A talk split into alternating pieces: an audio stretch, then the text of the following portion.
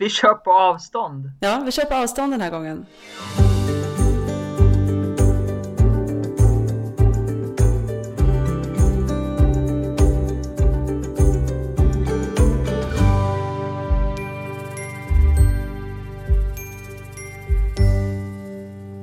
Välkomna till det 33 avsnittet av Präster med gäster med mig, Anna-Fia Trollbäck. Och mig, Rebecka Tudor. Och vi är präster i Tyresö församling. Eh, woop, woop. idag, eh, så sitter, idag så spelar vi in på uh, distans. Yes. Mm. Varför spelar vi in på distans? Eh, alltså vi spelar in på distans framförallt för att jag har hamnat i covid-karantän. eh, jag väntar test idag alltså. Mm. Eller jag har tagit mitt test men jag väntar provsvar. Jag borde få det idag. Mm. Nu är hela familjen sjuk också. Eh, både barn och fru. Mm. Men ni mår ändå liksom, eh, ni mår ändå bra? Typ. Ja det får man ja. ändå verkligen säga. Alltså precis så att eh, får jag veta att jag har covid så eh, har jag kommit lindrigt undan. Mm. Mm. Och då är det ju egentligen lika bra att ha haft det. Ja, precis. Eller? Ja, men jag antar det. Um... Men sen är det väl bra överlag att vi inte ses. Alltså, det är ju skärpta restriktioner egentligen nästan i hela landet just nu, men inte minst där smittspridningen bara ökar. Uh, så att det är väl bra att vi håller, håller oss på olika platser ändå kanske. Ja, men precis. Det är kanske är så vi får spela in ett tag framöver. Vi får se. Ja, mm. vi får se. Men eh, också den här veckan, eh, när vi spelar in nu, så, den här veckan har det också varit val i USA och eh, nu när vi spelar in så är det fortfarande inte helt klart resultatet. Um, och det har ju också varit en rysare. Rysare tillsammans med strängare restriktioner uh, och ödesmättad stämning. All, mm. både globalt och, och lokalt kan man säga. Eller hur? Mm. Ja gud, mm. jag var så sjukt, eh, sjukt orolig den där kvällen. När var det valet var i tisdags va? Ja precis. Så på onsdag morgon räknade man först med att vi kanske eventuellt skulle ha ett resultat. Mm. Eh, jag gick ut och la mig på soffan och typ ja, sov med tvn på liksom. Eh, I omgångar. Jag bara hade riktigt klump i magen. Mm. Ja, jag, sov, ja, jag vet inte. Mm. Jag sov med radion i öronen. Ja. så här radiovalvaka. Eh, började drömma att jag var i USA till slut. Då stängde jag av. eh, men eh, det Trump har gjort under de här fyra åren är ju att han har ju, eh, alltså han har ju förändrat väldigt mycket i USA. Eh, och mm. även typ, det har fått konsekvenser för världen också. Så här, USAs roll och plats i världen. Um, och eh, då kan man ju tänka, eller jag tänker då så här att nu eftersom vi närmar oss det som vi ska prata om idag, men, eh, men ordet um, reformation ha, mm. ha, tänker i alla fall jag har någon slags eh, så positiv laddning. Man pratar om att en att någon har så här, att man har gjort en, att man har reformerat ett samhälle. Liksom. Då tänker jag i alla fall så här, ja men då betyder det att det är någonting till, till det bättre. Liksom. Eh, det skulle inte jag säga att, att Trump har gjort med USA, att han är så här, ja, han är en stor reformator typ. Men han har i alla fall, han har i alla fall gjort eh, stora, han har ju ändå liksom förändrats jävligt mycket. Ehm, mm, och, det finns ja, ju andra, mm, och det finns ju andra personer genom historien som också har förändrat väldigt mycket. Och vi kan ju se tillbaka på saker idag. Um, och så kan vi se vilka konsekvenser uh, någonting fick. Och det kan vi inte göra nu, även om vi vill det. Så kan vi inte se vilka mm. konsekvenserna är. Um, vilka Trumps, hans, hans regeringstid liksom, vilka konsekvenser det har fått. För att vi är fortfarande där på något sätt. Mm. Men, men vi ska ju, mm, du ville säga något? Nej, vi, mm. nej, jag vill egentligen bara säga nej, men man kan ju se att det gör skada nu. Mm. Ja, men det kan vi göra. Det kan vi göra. Mm. Ja. Um, men um, vi ska gå tillbaka lite i tiden idag. Mm. Mm. Vi ska bjuda in en historisk person har vi idag som gäst. Det var länge sedan känns det som. Ja men det var det verkligen. Mm. Känns som att det var länge sedan vi bjöd in en person överhuvudtaget. Mm, precis. Och med den här personen då också ett historiskt skeende kan man säga. Vi helt enkelt säger välkommen hit till mig i Bagarmossen och till dig i Midsommarkransen Rebecka. Katarina Käte von Bora. Vi ska prata lite om reformationen. Ehm, och ehm, Käte von Bora var ju gift med Martin Luther som var mm. då eh, eh, reformationens katalysator och genomförare kan man säga. Eh, och eh, nu ska vi se, hon levde mellan 1499 till 1552 och kom från en välbärgad familj och som många välbärgade familjer så skickades som skickade sina döttrar till kloster så gjorde även Kätes familj det med henne. Så att hon skickades till ett benediktinkloster när hon var 5-6 år och när hon var 16 så blev hon nunna. Ehm, och eftersom att det var många som skickade sina döttrar i kloster så var det ju inte, jag tror inte att det var en sån oangenäm miljö, utan de var ju många eh, tillsammans som hade samma, som hade skickats dit. Eh, och eh, de här familjerna betalade ju för sina döttrar. Så att de här klostren var ju inte sällan eh, välbärgade också, hade det bra där. Hon blev ju tidigt, eh, alltså hennes mamma dog ju när hon var ett litet barn också. Ja. Eh, så jag tänker också att det var det som kanske också gjorde att pappan satte henne i kloster.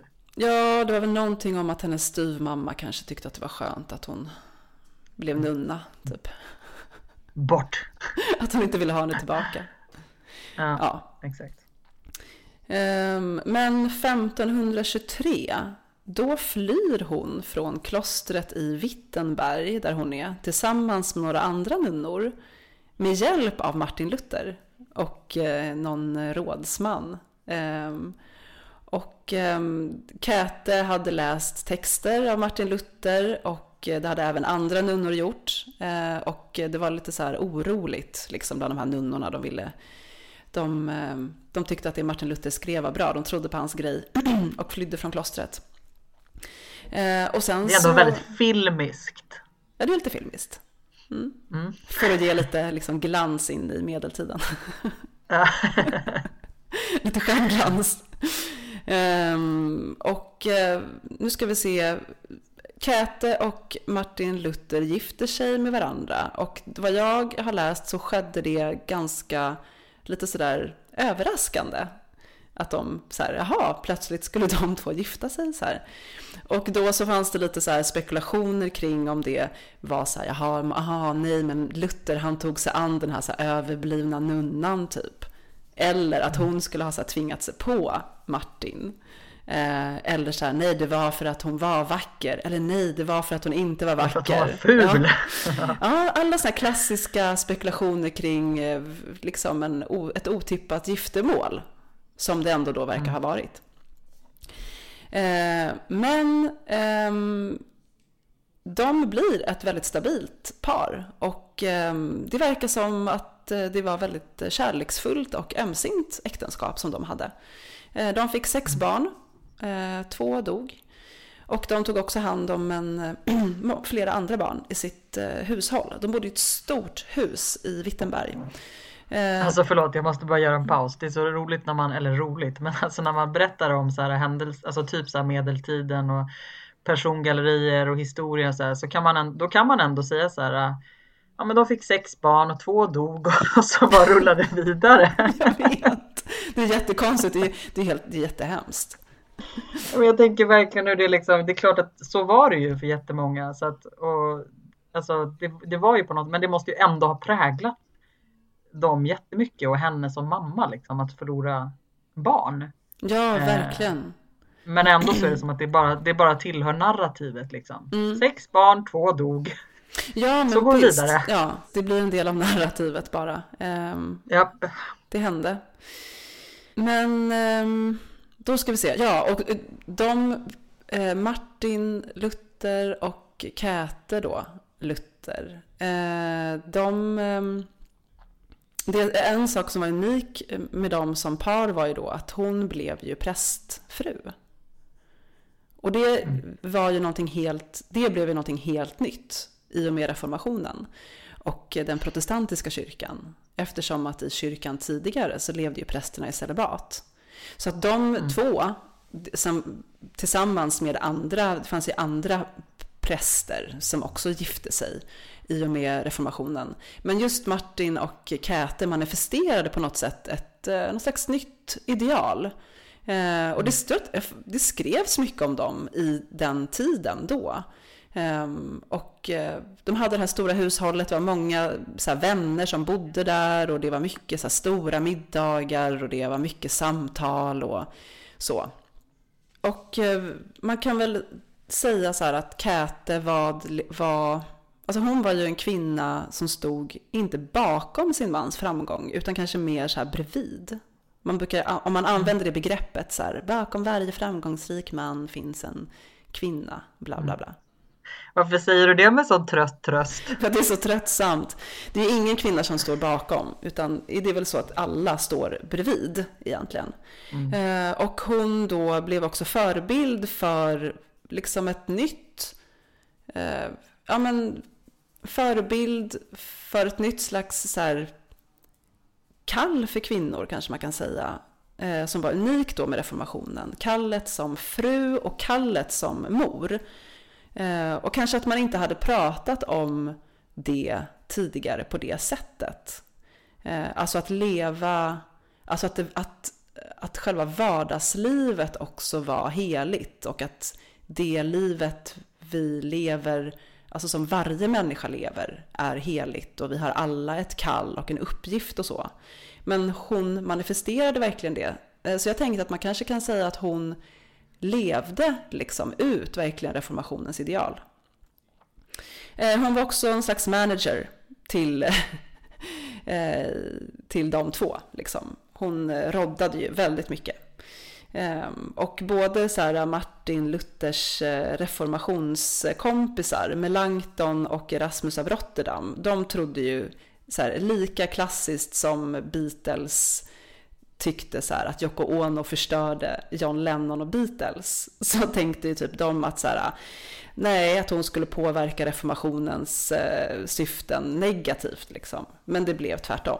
Ja, hon verkar ha varit en riktig jäkla manager. Ja, faktiskt. Alltså höll ju i alla trådar och man tänker att hon dessutom hade liksom alla barnen att ta hand om och det var inte bara deras egna barn utan de verkade ju ha mycket liksom fosterbarn och ja, och alla middagar som skulle lagas och maten som skulle odlas och ölet som skulle bryggas och ja. Ja men verkligen. Han, de var ju ändå diskussionspartners liksom. Mm. De pratade ju ja, men... teologi med varandra har man ju förstått. Ja men mm. precis. Och det är ju också ganska välkänt eh, i, de, alltså, i de brev som Martin Luther har skrivit eh, till Käte så kallar han ju ofta också henne för herr Käte. eh, för jag tycker det är roligt. Ja. Det är ganska liksom, så här, känd grej att ja, herr Käte. Doktor Käte. Ja men precis, hon höll sig inte, det betyder ju att hon inte höll sig ett dugg i bakgrunden. Nej. Nej.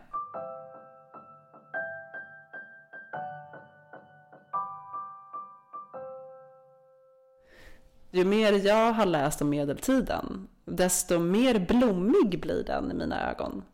Och eh, eh kvin- kanske en tid i historien när kvinnor faktiskt hade ett väldigt stort utrymme till egna rum som de sen inte hade. Och det här egna rummet som jag tänker på är ju klostren. Mm. Ehm, för att klostret var ju den enda platsen i samhället som inte hänvisade kvinnor till ehm, att stå under ett manligt överhuvud. Klostret var en plats där, där kvinnor, den enda platsen typ där kvinnor kunde utbilda sig. Ehm, det var det enda sättet att undkomma äktenskap. Eh, den, den platsen där kvinnor kunde tänka och lära sig saker som inte hade med hushållet att göra. Och där de kunde så fokusera och utöva sin tro, om det var det de eh, ville. Mm. Sen är det klart att vissa så här, tvingades i kloster och andra ville gå i kloster. Och några då, som Käte till exempel, att man bara skickades dit. Det var liksom en del av... Man, man blev utbildad där och sen så kanske man inte behövde bli nunna. Liksom. Det tycker jag är väldigt häftigt att tänka på. Att, att det ändå fanns ett, det fanns ett utrymme för kvinnor att bara få vara typ med sig själva och ingå mm. i så här, ett kollektiv. Mm. Mm. Nej men visst, och en av de saker som, eh, som skedde under reformationen och under Martin Luther var att man avskaffade klosterväsendet. Precis. Eller man stängde kloster helt mm. enkelt. Um, och det var ju alltså, jag menar tanken, tanken med det var ju bland annat, det finns ju massa saker eh, som ändå är av vikt för det som Martin Luther stod för och som han var förbannad för i sin tid. Eh, med liksom kyrkans och påvens makt och hur man framförallt förhöll sig till liksom eh, till folket och de som var fattiga kanske, att till exempel skrämma människor eh, genom att eh, till slut få dem att köpa avlatsbrev för att liksom de själva och släktingar inte skulle vara så länge i skärselden. Och för att finansiera eh. liksom bygget av Peterskyrkan. Ja men exakt. Mm. Ja men avlatsbreven var ju bara ett hittepå. Mm. Liksom. Eh, men och det, blev, det var ju ändå Martin Luther väldigt eh, förbannad över, helt ut sagt. Precis, en, en eh, underdrift säkert. Svinsur. Ja. Svinsur. Uh, nej men och att, uh, att man, alltså att in, det skulle inte finnas liksom de finare kristna, uh, de som stod närmre Gud. Alltså att de som var i kloster var inte närmre Gud än, än liksom det vanliga folket. Liksom. Utan att man skulle kunna leva sin kristna tro som människa i samhället. Mm. liksom, så ville ju på något sätt stänga ner klostret utav den anledningen. Men frågan är vad hände då? Vad, liksom, mm. Utifrån det du pratar om nu med det rummet för kvinnor. För Jag tänker också att utifrån Kätes position som eh, sen levde tillsammans med Martin Luther och som ju valde att fly från klostret. Men utan den utbildning som hon hade fått i klostret mm. så hade hon kanske aldrig kunnat ha den positionen som hon fick i relation till Martin Luther och de övriga eh, gänget. Liksom. Nej men verkligen, Nej, men så måste det ju verkligen ha varit. Ja, det är som dubbelt för att jag kan verkligen hålla med om den här, så här jämlikhetstanken att vi alla är lika inför Gud och kyrkan var helt korrupt eh, och det. Så jag kan verkligen förstå att han var förbannad. Eh, mm. Men han, och jag menar Käte ville ju uppenbarligen liksom inte vara nunna hela livet. Eh, och det var ju kul för henne då, att hon kunde så här strunta i det um, och ja. gifta sig. Kul för henne. Men jag tänker sen var det många nunnor som inte alls ville släppa taget. Nej. Och, eh, och som, eh, som verkligen stred för, med typ sina liv som insats, har jag förstått. Ehm, mm. Försökte barrikadera klostren, att de inte skulle komma dit. Och eh, att, mm. Eh, att de inte skulle kunna stänga igen vissa kloster och så. Men då, det gick ju inte till slut. Sen så ville ju typ Martin Luther att alla, alltså det här med att översätta Bibeln till så folkspråk och att alla skulle kunna tillgodogöra, att alla skulle kunna läsa den och på något sätt ha ordet direkt. Att det inte skulle finnas en mellanhand mellan människan och, och ordet då. Det tycker jag också så här, ja det är jättebra. Men, eh, men han ströp fortfarande liksom eh, han ströp en, en eh, han tog bort ett rum där kvinnor mm. tidigare hade kunnat eh, både vara med sig själva och sin spiritualitet och andlighet och, och bilda sig och så. Ehm. Ja, något annat som man ströp också för eh, ströp för kvinnor var ju egentligen i och med just den här bilden av att det ska inte finnas någon mellan mig som människa och ordet eller mig som människa och Gud. Jag behöver inga mellanhänder. Det var ju också eh, att vara emot eh, helgon. Mm. Eh, och det gjorde ju också att man, alltså då fanns det ju inte, innan hade man ju kunnat tillbe eh, ja, men Jungfru Maria till exempel och mm. andra kvinnliga helgon. Men nu blev det ju egentligen enbart en patriarkal gud. Det fanns ju bara Gud och fader. Ja, alltså det gör han kvar. ju verkligen. Det han gör är att han cementerar ju att det är den enda, att Gud bara har liksom en manlig, eh, att det bara finns en manlig dimension av Gud. Mm. Ja, så det är, det, är lite, det är dubbelt kring det här med klostren faktiskt. Mm. Mm. Eh, har du velat gå i kloster? Nej, jag vill fråga dig om du vill ha, har du någonsin velat gå i kloster? Eh, ja, vet du vad? Jag ville det när jag var liten. Är det sant? Ja, då frågade min syster, jag, sa, jag brukade säga så här att jag ville bli nunna. är det sant? det är sant! För att jag typ tyckte att de var så fina och för att jag tyckte att, eh, så här, eh, att allt var så vackert typ. Och så här lugnt och harmoniskt. Kan du tänka dig? Det är helt fantastiskt. Så andra barn på frågan, vad ska du bli när du blir stor? Veterinär. Det ville ju typ alla bli. Förutom Anna-Fia, hon ville bli nunna. Ja, men det var en period när jag liksom, jag var jättefascinerad av nunnor. Ja. ja. Ja. men jag har inte svårt att förstå egentligen alltså. Men har du velat bli det någon gång? Ja, men eh, jag har nog eh, liksom haft sådana tankar om att eh, tanken på att gå i kloster. Ja, absolut. Men jag tycker att det är svårt med den här avhållsamheten va? Celibatet va, Anna-Fia? Mm, celibatet ja. ja, det tycker jag skulle vara utmanande. Mm. Ja, nej, men nu, läm nu, nu lämnar vi klostret.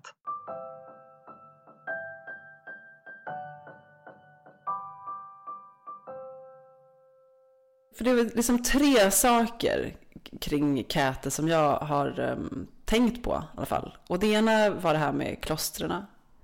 Och det andra är då reformationens uh, liksom nya kvinna. Mm.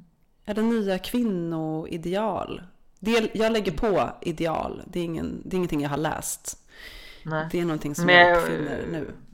Men, men, och är det den här kallelsen av att vara liksom eh, fru och mamma?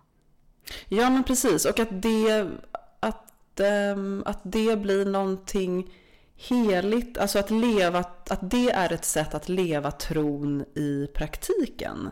Alltså en del av det, Martin Luther pratar ju om så här någonting som man kallar för det allmänna prästadömet. Vilket ju är alla vi, alla, alla människor. Vissa kallas särskilt till att bli till exempel präst eller att jobba i kyrkan. Men det, allmän, det finns ett allmänt prästadöme och det, där inkluderas alla. Um, och då är det som att det här nya, alltså att vara fru och mamma och att det blir ett sätt att leva, att leva tron. Uh, det blir som en del då av det allmänna prästadömet, uh, tänker jag. Och um, att i relation till klostret då så gör ju reformationen kvinnan fri på något sätt med liksom ja, mer jordnära uppgifter då genom tron och att det inte, mm. att det inte var någonting sämre liksom. Alltså just i och med typ hur, hur Käte var så tänker jag att, att hon liksom jag vet inte, hon kanske, man kanske, kanske ändå kan ta något så här, man kanske ändå kan se henne som någon slags um, någon slags väldigt tidig föregångare till, till idag typ. Av så här, kvinnor som eh, projekt... Kvin, man brukar säga det. Kvinnan är så projektledaren i de flesta relationer. Ja. Är det något positivt? Både och. Hon har koll ja. på allt. Hon så fixar allt, hon så roddar allt. Hon ser till att det som allting funkar. Okej, det är inte så i alla relationer, men det här är ju väldigt, det här är ju ändå någonting, det är inget, så är det för många. Nej, ja men verkligen, men det är ju också någonting som väldigt många kvinnor är trötta på. Ja, ja, ja, gud ja, men jag har gjort det själv. Det är ju helt mm. absurt. Mm. Men samtidigt tänker jag ändå att det är något slags, ehm, det är ändå ett slags ideal Mm. Jag tänker att det där protestantiska idealet, typ, eh, att vi ändå att vi lever det på något sätt. Fast kanske mm. inte som ideal, ideal kanske är fel ord. Men hänger du med jag på vad jag säger eller tycker att det är jo, lite nej. trams? Nej, jag, jag hänger med på vad du säger. Det, det enda som jag tänker är just hur att det som sagt att det inte är att det är så många som är så vansinnigt trötta på att ha alla dessa eh, pro, alltså denna projektledarroll i familjen. Eh. Ja, alltså jag säger inte att det är positivt bara. Nej. Nej. Just det. Men, men det kanske var det där med ideal då. Mm. Ideal, mm. då känns det som att det är något positivt. Ja, men något precis. att eftersträva liksom. Ja, men precis. Men då kanske det var att man såg henne som ett ideal. Hon ja. gjorde ju saker på ett nytt sätt. Men, men, idag, ja, men, att, men idag så kan, eh, är det inte så. Nej, det här var ju ett sätt att leva ut sin kallelse och sin tro. Alltså mm. att hon gjorde det till Guds ära på något sätt. Ja. Eh, det liv som hon nu kunde leva också utanför klostret. Eh, så kunde hon ja, leva hela sitt liv med riktning mot liksom Kristus. Och, eh, det, som, liksom, det stod ju flera, eller att, hon, att det var så hon, hon också sa om sitt, som sitt liv, att hon hade ingen kanske lust att själv skriva eller liksom uttrycka sig teologiskt på det sättet. Det, det viktiga för henne var liksom hur hon levde sitt liv. Just det. Be, bli ordets görare, inte bara dess hörare. Nej men exakt. Um, så att om alla kvinnor idag som är så projektledare bara kunde rikta sitt liv, sina liv mot Kristus. så kommer allting Exakt. bli så jävla finemang. Inse, hör du vilka vi låter som verkligen så här bara förstå, upp, uppfatta din roll som kvinna. Det är liksom lev det här till Guds ära. Det är kvinnans kallelse och liv att, att tjäna familjen och ta hand om barnen bara gör det till Guds ära. Mm. Eh, Då blir ja. allting bra. All psykisk ja. ohälsa kommer försvinna. Ingen stress, ja. ingenting. Man kommer gladeligen ta sig an nya projektet för helgen. Att se till vad familjen ska göra. Var alla ska vara. Har alla kläder, matsäckar. Var ska det åkas? Mat som ska lagas. Tack Gud för att jag får göra allt detta till din ära. Åh oh, nej, nej. Vi pratar, vi försöker prata in medeltiden, det är därför. Ja. Och vi, liksom så. Mm. Ja. Kontext brorsan, kontext. Precis.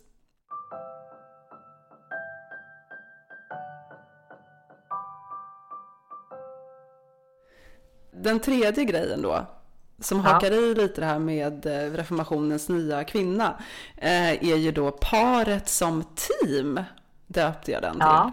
ja. Käte eh, och Martin, den stabila relationen, de bistod varandra och levde ett liv verkligen tillsammans. Mm. Olika uppgifter, stod ändå varandra nära känslomässigt. Eh, pratade om teologi och vardag. Han rådgjorde med henne. Han kom också med råd och tips om hur de skulle ta hand om barnen. Eh, hon rådgjorde liksom med honom. Påminner inte det här lite om hur vi ser på relationer idag? Jo. Paret som eh, enhet. Absolut. Liksom. Ja, jag gillar det där paret som team. Alltså så, så, jag, jag, tycker att jag hör mig själv säga det några gånger. att det, det, känns som, som något så medelklassideal kanske, men det är ju ett eh, absolut. Ja, det är att leva som mm. ett team. Mm. Man har gemensamma mål, man fattar gemensamma beslut, man har liksom ett gemensamt socialt liv, gemensam omsorg om barnen, typ. Eh, mm. Så skrivs ju deras relation ändå fram, tänker jag. Ehm, ja, absolut. Men, men, men samtidigt då så när, de är det här, när man är det här teamet så är ju ändå kvinnan den här också projektledaren väldigt ofta. Det ska man inte glömma bort. Ehm, Nej. Mm. Men sen så en sak som vi verkligen inte får glömma bort heller som måste nämnas i det här med att stänga kloster och sådär. Du vill tillbaka till klostret alltså? Ja, det är en sista gång vände jag tillbaka ja. till klostret. Och mm. det är ju då att det är ändå, reformationen genomfördes ändå av män. Det är ändå en patriarkal värld eh, som var då, som är nu, men framförallt då också. Och eh, det måste väl handla om att ligga lite? Martin Luther var munk. Ja, han var munk. Eh, ja, abs absolut. Han ville ligga helt enkelt, det är det du säger. Ja. Det var liksom hans största drivkraft. Det måste ändå varit en drivkraft. Men det, det fanns han väl bara... kvinnor utanför klostren också? Ja, men han var ju munk. Han fick ja. inte ligga. Nej, just Eller? det. Farsan hade liksom avskaffat klostren och... Eh, just det, just det, just det. Den dimensionen tycker jag, tänker jag ändå är, den är ändå en dimension att inte ja. glömma bort i sammanhanget. Nej. Mm, så Nej, himla bra med fria nunnor liksom.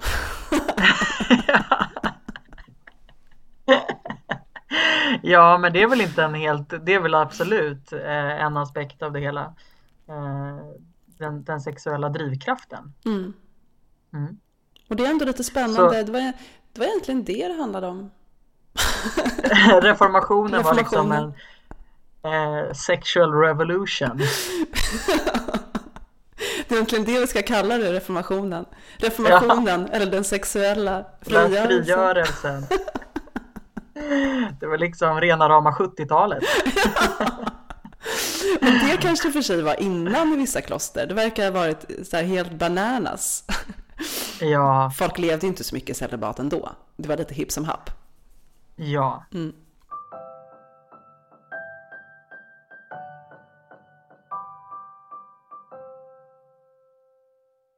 Ja, jag tror att eh, det är dags att runda av här för vårt första, för vår första, vårt första distansavsnitt så här i ja. covids tidevarv. Mm. Verkligen. Mm. Eh, och så får vi se om det var synd om mig på riktigt eller inte när vi hörs nästa gång. När jag har fått mitt provresultat. Exakt. Mm. mm. Okej, okay, ja. vi säger så. Tack för, ja, men... eh, tack för idag. Tack för idag mm. Anna-Fia och alla lyssnare. Och vi, på återseende på, eller återhörande. Precis. Återhörande ja, nästa vecka. Okej. Okay. Håll avstånd för tusan. Ja, keep distance. bye bye. Hej då.